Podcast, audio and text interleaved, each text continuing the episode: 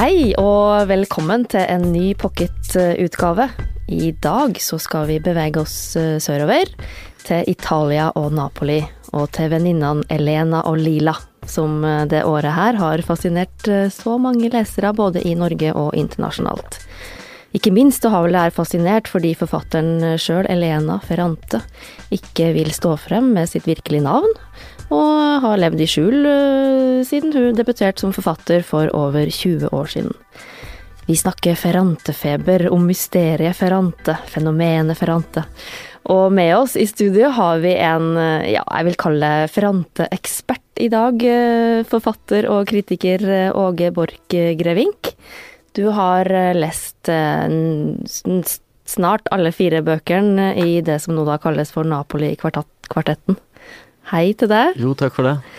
Jeg må bare nevne det òg, at Åge Borchgrevink har jo skrevet bok om Anders Behring Breivik, og er også sakprosaanmelder i Dagbladet. Blitt. Hvordan er det at vi kaller deg Ferrante-ekspert? Det er litt uvant. Ja. men jeg, jeg, ser det som en ære. Jeg har jo veldig lyst til å være det. Um, Herved utnevnt. Men takk skal du ha. Ja, da, da tar jeg det på alvor. Ja.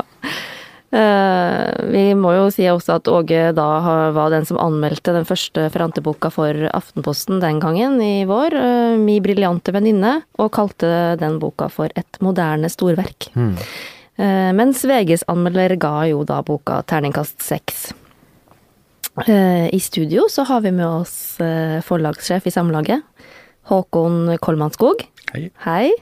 Og på telefon fra selveste Italia har vi Kristin Sørsdal, som sitter og jobber på spreng med oversettelsen av den tredje boka, som kommer på norsk i mars. Stemmer ikke det, Kristin? Ja. Hei. Hei. Ja, her er det. Ja, du er på Hvor er du hen? Italia? Nei, Jeg er i Borghese-parken akkurat nå. Det passer jo godt det med middelklassen som leser Ferrante og Gessian. Det passer veldig bra. Ja, så her var det stille. Det passer veldig bra. Ja. Håkon, som forlagssjef for Samlaget, mellomstort nynorsk forlag. Hvordan er det å sitte på en sånn suksess som Ferrante har blitt? Jeg må jo være ærlig og si at det er en drøm.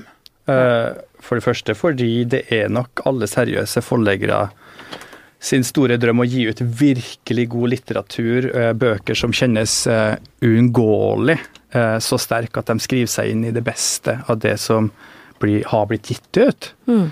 Også for det andre og mer prosaiske så er det selvsagt veldig artig å tjene mye penger på å gi ut noe som veldig mange vil ha. Ja. og de pengene går ikke til aksjonærer i Samlaget. De går rett inn i stiftelsen og til andre gode bøker som vi brenner like mye for Mm. som Ferrante. Ja, for hvor stor har hun egentlig blitt i Norge og internasjonalt? Altså, hun har blitt veldig svær. Eh, internasjonalt så tror jeg det er riktig å si at hun er i ferd med å ta helt av. Eh, Mm. eh, jeg har kikka litt på bestselgerlistene eh, rundt omkring. Eh, jeg kan vel først si det at bøkene er nå solgt til 30 land, regner jeg ut nå. Og det har gått fort, fordi sist vi telte opp så var det et par og 20, så nå er det 30. Eh, og hun ligger jo på bestselgerlistene i, i USA med flere av bøkene. Mm. Og på Island, nettopp kommet inn. Eh, Italia, selvsagt. Og i Norge har hun jo ligget nesten hele år. Mm. Jeg tror at Norge er det landet der eh, Ferrante kom raskest inn. Eh, Men altså, den første boka mi, 'Briljante venninne', den lå jo der på i ukevis. Og bokhandlerne bekrefter jo at salget av engelske bøker, fordi det, alle disse bøkene er jo nå ut på engelsk, at de går veldig bra. Eh, Den fjerde og siste boka i eh, kvartetten eh, kom nettopp i England. Og den, siste, altså den andre boka kom da i, i Norge, Norge, og den heter jo 'Historia om det nye navnet', og ble akkurat anmeldt til en femmer i VG. Men hvordan merker dere det suget etter Ferrante-bøker? For eksempel sånn her, at etter at jeg kom hjem fra, på jobb etter sommerferien, så det aller første jeg var nødt til å gjøre, var å trykke nytt opplag av bok 1. Og det var et opplag på 20 000. Og det er sånn som forleggere, uansett hvor stort forlaget er, Så bare, det, det er veldig, veldig uvanlig. Mm. Og jeg måtte justere førsteopplaget på bok to gang på gang, og endte opp på 20 000 i et førsteopplag, som Ja. også er, er helt spesielt. Så sånn merker vi det. Eh, Åge, du har lest eh, i hvert fall tre, de tre første bøkene. Mhm. Hva er det med Ferrante som gjør at vi blir så fascinert? Det er et veldig godt spørsmål. Um, skulle ønske jeg kunne svare på. Um, jeg tror det er på et eller annet vis at alle uh, kjenner seg noe igjen i de to uh, venninnene. Um, og, og, og lever seg inn i den veldig uh, kompliserte forholdet mellom de to. For det er veldig mye konkurranse. Um, og så har de kanskje begge to et slags sånn felles frihetsprosjekt og sånne ting som handler om å, om å bli menneske, da. Um, den boken som kommer nå, historien om det nye navnet. Altså det nye navnet, å få seg et navn, uh, identitet og, og slikt. Um, jeg tror på en måte man kan kjenne seg igjen i den, uh, i den kampen da, for å, for å skaffe seg et navn, som de to jentene driver med. Ja, for det er jo ikke gitt at altså, vi, vi la oss eh, fascinere av en, måte, en historie fra etterkrigs-Italia. Om to venninner som vokser opp, opp i fattigstrøket der i Napoli. Ja, nei, det, det er veldig interessant, da. Altså, eh, romansyklus fra, fra Italia. Eh, veldig tiltalende forsider, også på de norske, ikke minst på de engelske. Amerikanske, der er det duse farger og kvinner i store kjoler som titter på havet og alt mulig sånt. Og det ser jo på en måte ut som en form for sånn romantisk damelitteratur som er i kiosker og slikt. Eh, og Ja, det har blitt kalt det av noen også. eh, ja, jeg tror ja. mange har latt seg litt lure av de forsidene der. Jeg vet ikke helt øh, hvordan øh, Men jeg, jeg tror også de fleste har, har, har lest videre, selv om virkeligheten i de bøkene her er jo veldig brutal. Og det Italia Mm. du treffer er jo ikke noe sånn buganvillaer og, og frukthager og, og noe som helst, men ganske nitriste og knallharde eh, betong i, i Napoli. Altså nabolag som er preget av, eh, av vold, egentlig, og av camorraen, altså organisert kriminalitet og fattigdom, og kampen mellom fascister og kommunister i gatene osv. Så, videre. så det er ganske tøft Italia vi treffer, men eh, men selve det eksistensielle, da, altså dette her er dramaet til de, disse to jentene som vokser opp i dette her og, og prøver å bli mennesker, prøver å bli kvinner, det, mm, det tror jeg man eh, tydeligvis kan kjenne seg igjen i, både i Alaska og i Norge og, og, mange andre steder, åpenbart. Ja, og egentlig så er det jo sånn at den ferrantefeberen er litt av et paradoks. For eh, forfatteren, hun har jo skrevet under pseudonym siden debuten i 1992. Nettopp fordi hun ikke ønsker å være en person i media. Og til tross for massive spekulasjoner både i hjemlandet og internasjonalt, så vil hun jo ikke stå fram.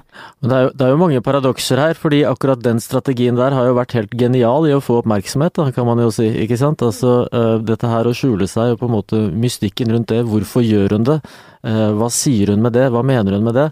Um, det har jo på en måte vært eh, veldig mye av, eh, av på en måte det Ja. som har fulgt da, hele, hele forfatterskapet, og ikke minst denne siste, um, eh, Ja, disse siste fire romanene. Ja, hun har jo gitt ut bøker siden 1992, eh, og gitt ut tre veldig gode bøker. Og Den første boka er jo oversatt til norsk, og ble oversatt den gangen. Og det må vi ikke glemme. Så Ferrante var jo ingen i Norge mens hun ga ut de tre første bøkene. Og det var jo ikke sånn stor ståhei om det at hun var et uh, anonym. Det var veldig det, det, det, flotte bøker, de tre første hun har gitt ut. og de men de er litt, litt smalere, og de er enda krassere, og de går på, på det som fascinerte meg da fra starten, det med kvinneraseri og kvinnedrift, og eh, at hun har en sånn usentimental, ujålete måte å tørre å skildre kvinner på. Og det er vi ikke vant til, eh, norske kvinner som tror vi er så, så frigjorte at eh, italiensk, en italiensk forfatter skriver sånn. da. Håkon må få skyte inn det her. Ja, altså eh, når jeg hører det her ordet fascinasjon kombinert med ordet anonym, så tenker jeg jo at jeg er veldig usikker på hvor, hvor viktig det er. Fordi altså da vi satt og, og skulle planlegge utgivelsen her og lage markedsplaner, sånn som en jo gjør, så var vi så tenkte vi jo egentlig motsatt, at det å ha en anonym forfatter er problematisk, ikke sant? Som ikke kan stå der ute og gi intervjuer og, og drive på med den type massemarkedsføring som forfattere i dag ofte uh, er, er, nødt til å gjøre. Og, og, uh, og jeg, jeg, tror nok at det her med det anonyme aspektet har blitt et sånn tilleggsaspekt. Grunnen til fascinasjonen tror jeg er litteraturen hennes. Og, og hun, sier jo det, hun oppgir jo det sjøl som grunn for å være anonym. at Hun sier vel da, veldig fint en plass at uh, hvis bøkene nå er bøkene der ute i verden, og hvis de er gode nok, så vil de finne sine lesere, uavhengig av meg og, og min person. Og det tror jeg faktisk. Altså, jeg tror på det der. At uh, den fascinasjonen ligger i, i styrke, den litterære styrken og krafta som er i bøker. Ja, for det, Man kan jo også kanskje si at eh, det, det, at vi ikke vet hvem forfatteren er, er med på å gjøre teksten enda større. Altså, ja, det kan du si. Den lever på en måte bare i seg selv. da. Hva sa du, Nei, jeg, jeg synes bare det var jeg, jeg, var i USA i, i, i fjor, og da, da uh, kom inn i bokhandlene der, så var det liksom ett bord uh, uh, med Det var to utenlandske forfattere som var veldig svære på den tiden, og de er vel det nå også. Et bord sto der med Knausgårds bøker, og så var det et bok med Ferrantes bøker, ikke sant. Og på Knausgårds bord så var jo hans eget ansikt, som han selv skriver, som en logo, bare klistret rundt overalt, og bare så ufattelig tydelig. Og forfatterpersonene da var så diger at den liksom ja, fylte halve halve, halve, bokhandelen. Og på den andre siden så var det da disse bøkene til Ferrante med sine kjoler og, og havet og, og, og, blomster og sånne ting, hvor alt på en måte var skjult og anonymt og så videre. Så det, det var en veldig interessant kontrast, og du så jo på en måte ja, ok, det, er, det, er poenget dette med at litteraturen trer fram når på en måte forfatteren trer tilbake, men du kunne også se det som en form for sånn kommentar rundt på en måte eldre kvinners plass i offentligheten eller noe slikt også. og på en måte Strategien minner litt av den strategien hovedpersonen hennes selv bruker av og til, for å liksom skjule seg, uh, for å på en måte komme fram og, og, og, og ikke så tydelig og in your face da, som, uh, um, som en del av de mannlige personene i, i som også er i dette romanverket. Så, så det, det, er interessant å se, i hvert fall. Men, men eh, siden du nevnte Knausgård her, så jeg, jeg har jo fått med meg at det er flere, i hvert fall utenlandske kritikere, som har nevnt disse to i samme ordlag. De, de blir på en måte sammenligna litt. Hva, hva, tror du det skyldes? Eh? For amerikanerne, som kanskje ikke slipper til så mange utenlandske forfattere i sitt marked, så er jo på en måte Ferrante, Knausgård og kanskje eh, Roberto Bolaño liksom tre store navn som, er, er, er, som, som gjelder nå.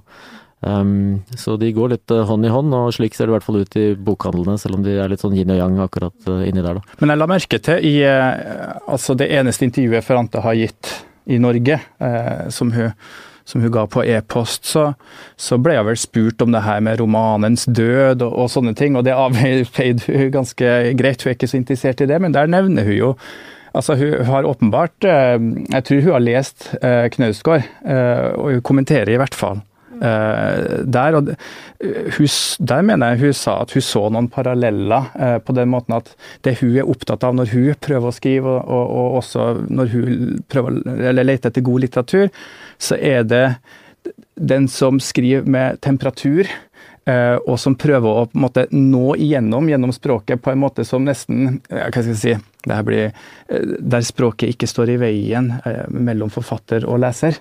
Eh, og der, der, så jeg kanskje noen paralleller i denne eh, ja, tonen av ærlighet, kraft. Mm. Og at noe står på spill, da, kanskje. Ja. Det er jo det du opplever. Jeg tror det er det som river deg litt med som leser, at du bare føler at oh, her står det virkelig og balanserer, liksom. Og dette her eh, kan gå veldig bra eller veldig dårlig, men noe står på spill. Men hva vet vi om Ferrante av harde fakta? Altså, jeg blir litt provosert, merker jeg, kanskje på vegne av dama. Eller altså, når jeg hører de med spekulasjonene om eh, altså, ja, Har det blitt spekulert av en mann? Altså, eller jeg, Ikke sant. Det er jo flere som har gått Det er jo avfeid for lenge siden, på en måte. Nei, det er ikke, det er ikke avfeid. Domenico Starnone fra Napoli, som er en uh, god er en kjent forfatter i Napoli, skriver bøker som ligner veldig i stil på bøkene til Ferrante. Og Jeg husker første gang jeg snakka med Anna på Iskia, en venninne av meg, om Ferrante, så sa hun at hun hadde lest om Menico Stadnorme. Og straks når hun leste Ferrante, så, så, var det veldig store likheter. Så det, det, er ikke bare tull, de spekulasjonene, at enten skulle være han eller kona hans som er oversetter for, uh, for det samme forlaget som Ferrante gir ut på. Mm. Så, så, det kan godt være det. Men så vidt, men det, vidt jeg vet, så har i hvert fall forleggerne hennes bekrefta at hun er en kvinne som er oppvokst i Napoli. Hun er gift, hun har fått barn, hun har bodd i utlandet. Hun har jobba en periode som lærer, og hun er nå i 60-årene. Det er i hvert fall det som, ja, og, som er blitt eh, sagt fra forleggerne.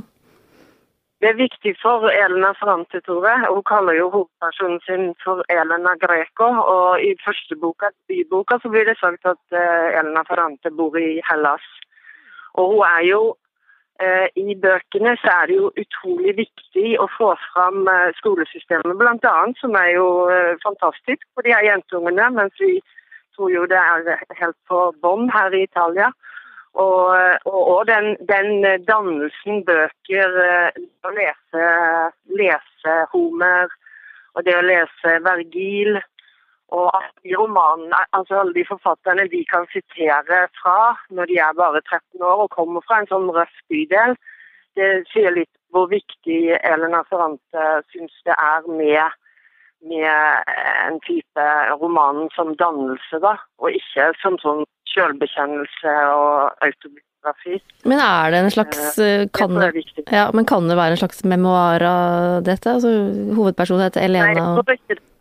Nei. Ikke det er noe poeng for uh, forfattere. Okay. Jeg tenker at hun problematiserer både, både, dannelse og kunnskap, altså begrepene, egentlig. Altså fordi ja, det er en klassereise for, uh, um, for uh, Lenu, altså Elena Greco den hovedhovedpersonen, uh, som da ender opp med uh, sånn prestisjestipend i, i, et universitet i Nord-Italia, i Pisa, og, og, gifter seg inn i en akademisk familie og liksom uh, ja, prinsen og, og halve kongeriket, liksom. Mens, mens, Lila blir jo værende i, i slummen i Napoli. og de to har jo forskjellige sånne der strategier med hva som er å lære, og, og mens Lila på en måte pro, går sine egne veier uh, stoler på seg selv, um, så er jo på en måte uh, Lenus problem mye at hun ikke er helt sikker på om hennes stemme er hennes egen stemme, om hun selv er en ekte person, eller formet ut fra forventningene som på en måte denne klassereisen har, ja, har skapt. da. Og om hun på en måte bare er en flink papegøye som bare gjentar det, det, lærerne vil at hun skal si, eller om hun har en egen stemme. Og, denne, og det er jo på en måte Så, så, så ja, absolutt uh, litteratur som dannelse og dannelsesprosjekt osv., men, men ingen enkel, enkel utvikling eller, eller klassereise, det heller. Nei, jeg tenkte Da jeg leste dem, kanskje spesielt i bok to, eh, da hun kommer til Pisa. ikke sant? Og, og det, det, er jo en helt klassisk eh, klassereise, men med måten det blir beskrevet på, den måten hun føler seg utilstrekkelig på, eh, og hvordan Eh, nærmest adelig eh, sosialdemokratisk familie eh, behandler hun veldig raust på, men hun stiller hele tida spørsmål til seg sjøl om gjør de det bare fordi de vil nesten pynte seg med hvor tolerant de er. altså, dem, da jeg las de passasjene, så tenkte herregud, det her er, kunne jo også ha vært klassereisedebatt og erfaringer fra altså i Skandinavia. Det handler jo om Napoli og det obskøne. Det, det seksuelle som ligger i, i eh, det napolitanske, som he, hele tida følger, eh, følger, med hovedpersonene uansett hvor de drar. For du kan ikke flykte fra, fra Napoli. Og Det er det som er eh, litt av poenget òg i, i, dette her. Og Lila er på en måte noen har sagt at Lila kan på en måte være Napoli. En sånn der sjøldestruktiv Eller hun er ikke sjøldestruktiv, men hun er det følger alltid sykdom, og det følger alltid ulykker, og det følger alltid mye svart med lilla. Og hun drar jo ikke ut av den der gryta som Napoli er. Hun vil jo ikke ut derifra. Og, øh, så bøkene kan òg leses som det, da. Og jeg leste akkurat i dag at, at øh, folk, det var en blogger fra Napoli som mente at det her var virkelig en, en pik i trynet på, på, på, Napoli og på alle de som elsker, elsker byen. For den, den, er ikke, den, er ikke, grei mot, mot, uh, mot Napoli i det hele tatt. Det er et oppgjør, det er en oppvekst. Ja, jeg har lova meg sjøl aldri da tilbake til Napoli etter at kjæresten min ble rana på åpen gate. men, nå må du, men nå må du kanskje tilbake? ja, jeg burde jo ikke, burde jo ikke oss, bruke eh, sånne erfaringer. Ja, men la oss, altså Historia om det nye navnet kom akkurat ut i Norge, og det er jo den eh, folk her kanskje sitter og leser eller skal gå i gang med. Eh, Hvor, altså, Min briljante venninne slutta med en cliffhanger. Hvor går veien videre for Vi har snakka litt om det, men Lilla og Elena? eh, Åge? Nei, Ikke røp for mye nå da, Åge. Ja. Nei, vi skal ikke avsløre for mye, men litt kan vi si. Eh, ja, det dreier seg jo om da um, å komme seg litt vekk fra dette Napoli som Kristin akkurat beskrev, å komme seg ut av slummen. Og da går, velger de to jentene egentlig litt forskjellige veier, da, eh, her.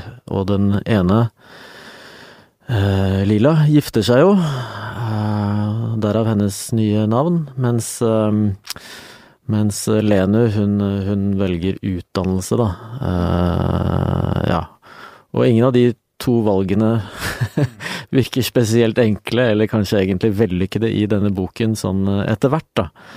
Um, men hele forholdet deres det vikler seg jo inn i hverandre og ut av hverandre og frem og tilbake uh, gjennom hele, hele dette her også. Det dukker jo opp noen andre menn uh, i løpet av boken også. Um, er mye pubertet og, og Mm. oppvekst og hele den der eh, Eller isk, ja. Seksuell oppvåkning, ikke minst. Da. Så, um, så det er noen ganske brutale skildringer av hvordan de mister møydommen sin, begge to. Um, blant Ja, men det er jo et poeng at hvordan de mister møydommen. De mister ikke møydommen, og det er jo det som er poenget med kvinnene hos eh, Ferrante. At de, de er ikke ofre for, eh, for dette her. Eh, Elena, når hun mister møydommen sin, så legger hun seg frivillig under en gris av en mann som, som er mye eldre enn han, en eldre enn hun. Og hun kjenner lyst, og det er det som er, det som er greia med Ferrante, at det er ikke noe, noe dilly-dall. Altså Mm. Kvinner er behandla som eh, likeverdige mennesker med både det ene og det andre. Så det, det er Men fylt av vold er det vel, det kan du vel være enig om at den derre bryllupsnatten til Lila er jo ganske barsk, for eksempel. Ja. For der er det jo en voldtekt. Ja, ja, vold. Ja. Ikke sant. Eh, Jeg har jo hørt at egentlig så skulle dette være en enkeltstående, ikke sånn veldig stor bok. Eh, Istedenfor ble det et storverk på 1800 sider. Eh, Hva slags grep er det Ferrante gjør og tar som gjør at vi bare Vi må jo lese mer, og vi har lyst på mer, og bare fyker av gårde dette. Hun sier sjøl at hun bruker alle de teknikkene hun har tilgjengelig Mm. For å få leserne til å lese videre. Så jeg tror nok det er litt av svaret. Jeg tror på en måte hun har en eller annen sånn større idé som hun vet hvor hun skal, og det føler du på en måte instinktivt når du begynner å lese, selv om alt sammen Hun sier selv at dette her på en måte falt på plass veldig, veldig, veldig raskt og sånne ting. Men du føler at du går en vei, og at den veien er også stor og handler om ja, de to jentene handler om Napoli, handler om hele Italia, nord og sør og dialekt og italiensk og, og venstresiden mot høyresiden og veldig mye etterkrigshistorie. Det handler om veldig mange ting, men du vet at du er i trygge hender, og du vet at du ender opp et eller annet eh, sted som, eh, um, som er spennende. Jeg, jeg tenker jo liksom jeg er jo helt litt besatt av dette her, jeg må bare tilstå det. Ja. en av de tingene jeg lurer på er om det er to kvinner, eller om det på sett og vis er én. ikke sant? Det er en slags sånn der symbiotisk enhet mellom disse to. Eh, som gjør at du tenker at den ene er kanskje eh, lila, da. eh, det som blir igjen i slummen når du sosialiserer deg videre. Men at de egentlig er samme person. Og vil de da treffes, eller vil de da ikke treffes?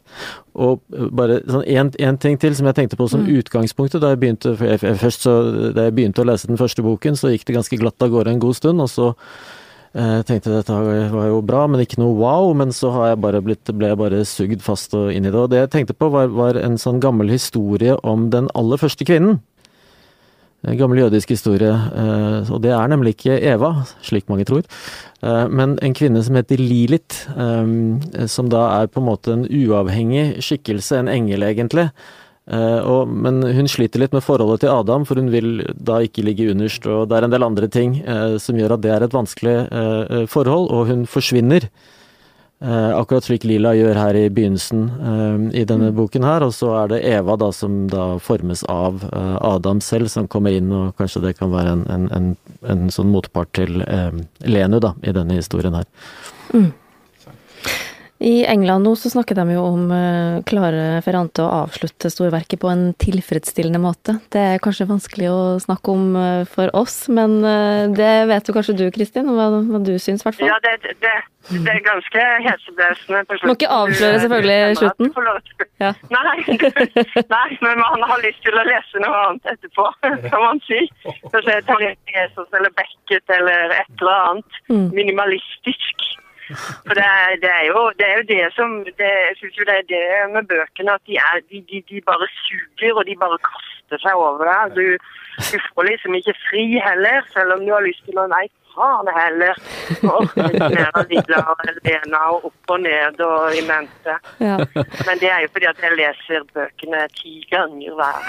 Ja, ikke sant. Ja, for det, jeg syns jo det Altså, litt for oss i Norge, da, så tenker jeg at det er liksom litt fascinerende i seg selv eh, hvordan disse bøkene er blitt uh, utgitt. For det involverer jo nettopp deg, oversetter og forfatter Kristin. Mm. Uh, altså, ja, jeg du flytta jo til Napoli som, eh, som 19-åring og ble ganske sterkt prega av den tida der nede. Jeg flytta til slummen, som ja. dere kaller det. Men eh, jeg er ikke helt enig i det ordet, da. Men Ikke dere, det var Åge. Nå sa du det selv. Jeg bodde i slummen. Men altså, det som gjorde altså, Senere, da, da du fant litteraturen eh, og, og alt dette, så, så satte du deg som mål om å bare oversette kvinnelige forfattere, og helst bare kvinnelige forfattere fra Napoli. Ganske hårete mål. Uh, ja, det var litt hårete mål. Ja. Men uh, ja, Nei, det var fordi det var så vanskelig å komme igjennom og komme inn i bransjen, så jeg måtte liksom bare smalne veien mer og mer og mer. Og mer. Og til slutt så etter mye mye Jeg begynte tidlig med Ferrante uh, i 2009. Altså du maste faktisk i flere år på Samlaget uh, for, ja. å, for, å, få, få de på banen. Og det er en historie som jeg, jeg forteller veldig ofte om med glede. Ja. Uh, det, det, nå kan du høre hvordan min historie høres ut, men det er jo det at Kristin masa og masa og masa om at nå må dere få øynene opp for hun her eh, Elena Ferrante. Så kom redaktøren til Kristin, for Kristin har jo et skjønnlitterært forfatterskap på Samlaget. Uh, så kom Kjersti, redaktøren, og sa Håkon, jeg har faktisk ikke lest det, men jeg har sånn tru på det Kristin sier nå, og hun er så insisterende. Uh, og, så, og, så, kom det, skal jeg innrømme at det kom en veldig god anmeldelse i det var vel James Woods i New York Times. Og så jeg har, jeg har, som forlegger egentlig ikke gjort så veldig mye riktig her, men jeg har ikke gjort noe feil. Uh, fordi da sa jeg ok, vi skal ikke kjøpe noe litteratur framover oversatt, men akkurat det her gjør vi. Uh, og det var Kristin sin fortjeneste. Så, Etter å ha mast i flere år. Enda godt. gratulerer med det. Tenk det. Tenk det. Ja. Mm. Tenk det. Og tusen takk. Det er, veldig, det er, egentlig en veldig merkelig historie. Det med Napoli og at jeg bodde der og plutselig etter så mange år Jeg har liksom aldri tenkt å jobbe med italienskene. Eller at jeg kunne jobbe med det. Og så etter så mange år at jeg er tilbake akkurat der. Som jeg kom som sånn eh, ja, ganske uvitende, uskolert 19-åring. Eh, det, det, er en ganske rar historie. Og at de som eh, de som eh, rådde meg til å, å lese Ferrante, det var to venninner som, som, fra Iskia. Akkurat på den stranda hvor de er i bok to. Så alt liksom følger andre. Ja. Og nå sitter du altså på å jobbe der nede med bok tre som kommer i mars, og deretter blir det bok fire som kommer neste høst. Hvordan er det egentlig å gå sånn inn i dette? Som oversetter? Det er intenst, for man oversettere leser jo bøker. Altså, du leser jo mange ganger. Og det er jo en, en, en veldig sånn nitidig jobb. Det er hvert komma og hvert eneste lille ord som skal settes på rett sted. Du sa jo litt om det, men altså Ferrante et fenomen i Norge og internasjonalt. Men kort, hvordan er oppfattelsen av henne i Italia? Det, det, det, er variert. Noen er utrolig sinte og sure og skeptiske til hele Ferrante, og øh, kritiserer nord og ned for den overdrevne adjektiv- og substantivbruken og klisjeer og det at hun skjuler seg og det at hun har blitt nominert til en pris og Ja, det er, det er mange sure folk, men så er det mange òg og også i Napoli, som, eh, som, eh, virkelig liker og har fått eh, oppveksten sin og historien sin skrevet på den måten. Det jeg har tenkt litt på, er at det er ganske godt gjort å holde på en måte den identiteten skjult i dagens verden, med Ja, det alt av eh, internett og sosiale medier eh, og alt dette. Eh, Ja. Fordi den, den bydelen hvor, som hun beskriver helt fra bok 1 i 1993, som heter John Turco, som ikke er offisielt i bok i eh, Mi briljante venninne, men, eh, men eh, trolig er den samme bydelen, som går igjen. Det er en liten, trang bydel litt utenfor Napoli sentrum. Altså ikke inne i Napoli sentrum, men litt utenfor. Og det at ikke, ikke noen der har begynt å spore opp eh, hvem Ferrante kunne være, det, det er litt rart. ja. Men ja. Før vi, før vi avslutter, og i hvert fall jeg skal gå hjem og lese videre i historien om det nye navnet, eh, så mm, bruker jeg jo å ha med boktips i pocket. Eh, Åge, har du tatt med boktips? Ja, jeg tok med, jeg tok med et. Um, så jeg tenkte altså um, Det er ingen grunn til å dra fra Italia, tenkte jeg egentlig. Men, uh, men flytte litt på seg, og uh, i tid, uh, i kjønn egentlig, og, um, og, og nordover. Så den jeg ville anbefale, som, etter at man da har kommet gjennom to, eller eventuelt hele fire bind med Ferrante, og trenger å, å, å roe seg ned noe ordentlig, da, da vil jeg anbefale en gammel eh, italiensk klassiker som heter Senos bekjennelser. Den kom også på Gyldendal på norsk i 2003, tror jeg. Forfatteren heter? Han heter Italo Svevo, um, og holdt på for, eh, for ca. 100 år siden, litt før uh, første verdenskrig. Og eh, denne Senos bekjennelser handler om en fullstendig eh, livsudugelig eh, storrøyker. Og eh, eh, plottet, hvis man kan kalle det eh, er at han for å slutte å røyke går til en, en lege, en, en psykoanalytiker egentlig, og i de samtalene, i de bekjennelsene, så ruller han ut hele sitt begredelige liv, og hvordan han har blitt manipulert, ikke minst av kvinner, gjennom, gjennom altså fra sin svigermor til kona til elskerinnen. Um, og uh, ja, og han, han, er på en måte altså sånn, uh, hele tiden full av paradokser, og et av paradoksene er at han, han, klarer ikke å slutte å røyke fordi han begynner igjen med en gang. Så den eneste måten han kan slutte å røyke på, det er å slutte å slutte å røyke. Da kan det Slutte, å slutte å røyke. Ja. Bra.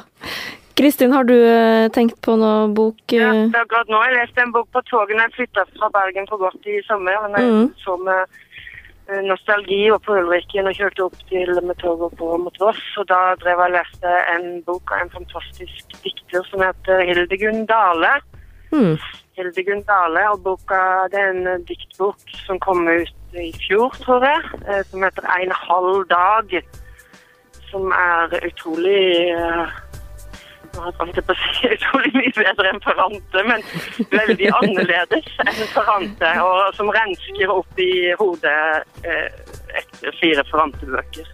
Jeg føler at vi kunne ha sittet og snakka med Lene Ferrante i eh, flere timer, for jeg, det, jeg merker på dere at dere har mye på hjertet. Men vi er faktisk nødt til å bare si tusen takk til Håkon Kolmanskog i Samlaget. Eh, Og det oversetter Kristin Sørsdal fra Italia. Og kritiker, eh, kan jeg, forfatter og kritiker Åge Borchgrevink. Og selvsagt til vår faste produsent Magne Antonsen. Og så må dere bare følge med oss i Pocket i neste uke. Hei, hei. Ha det.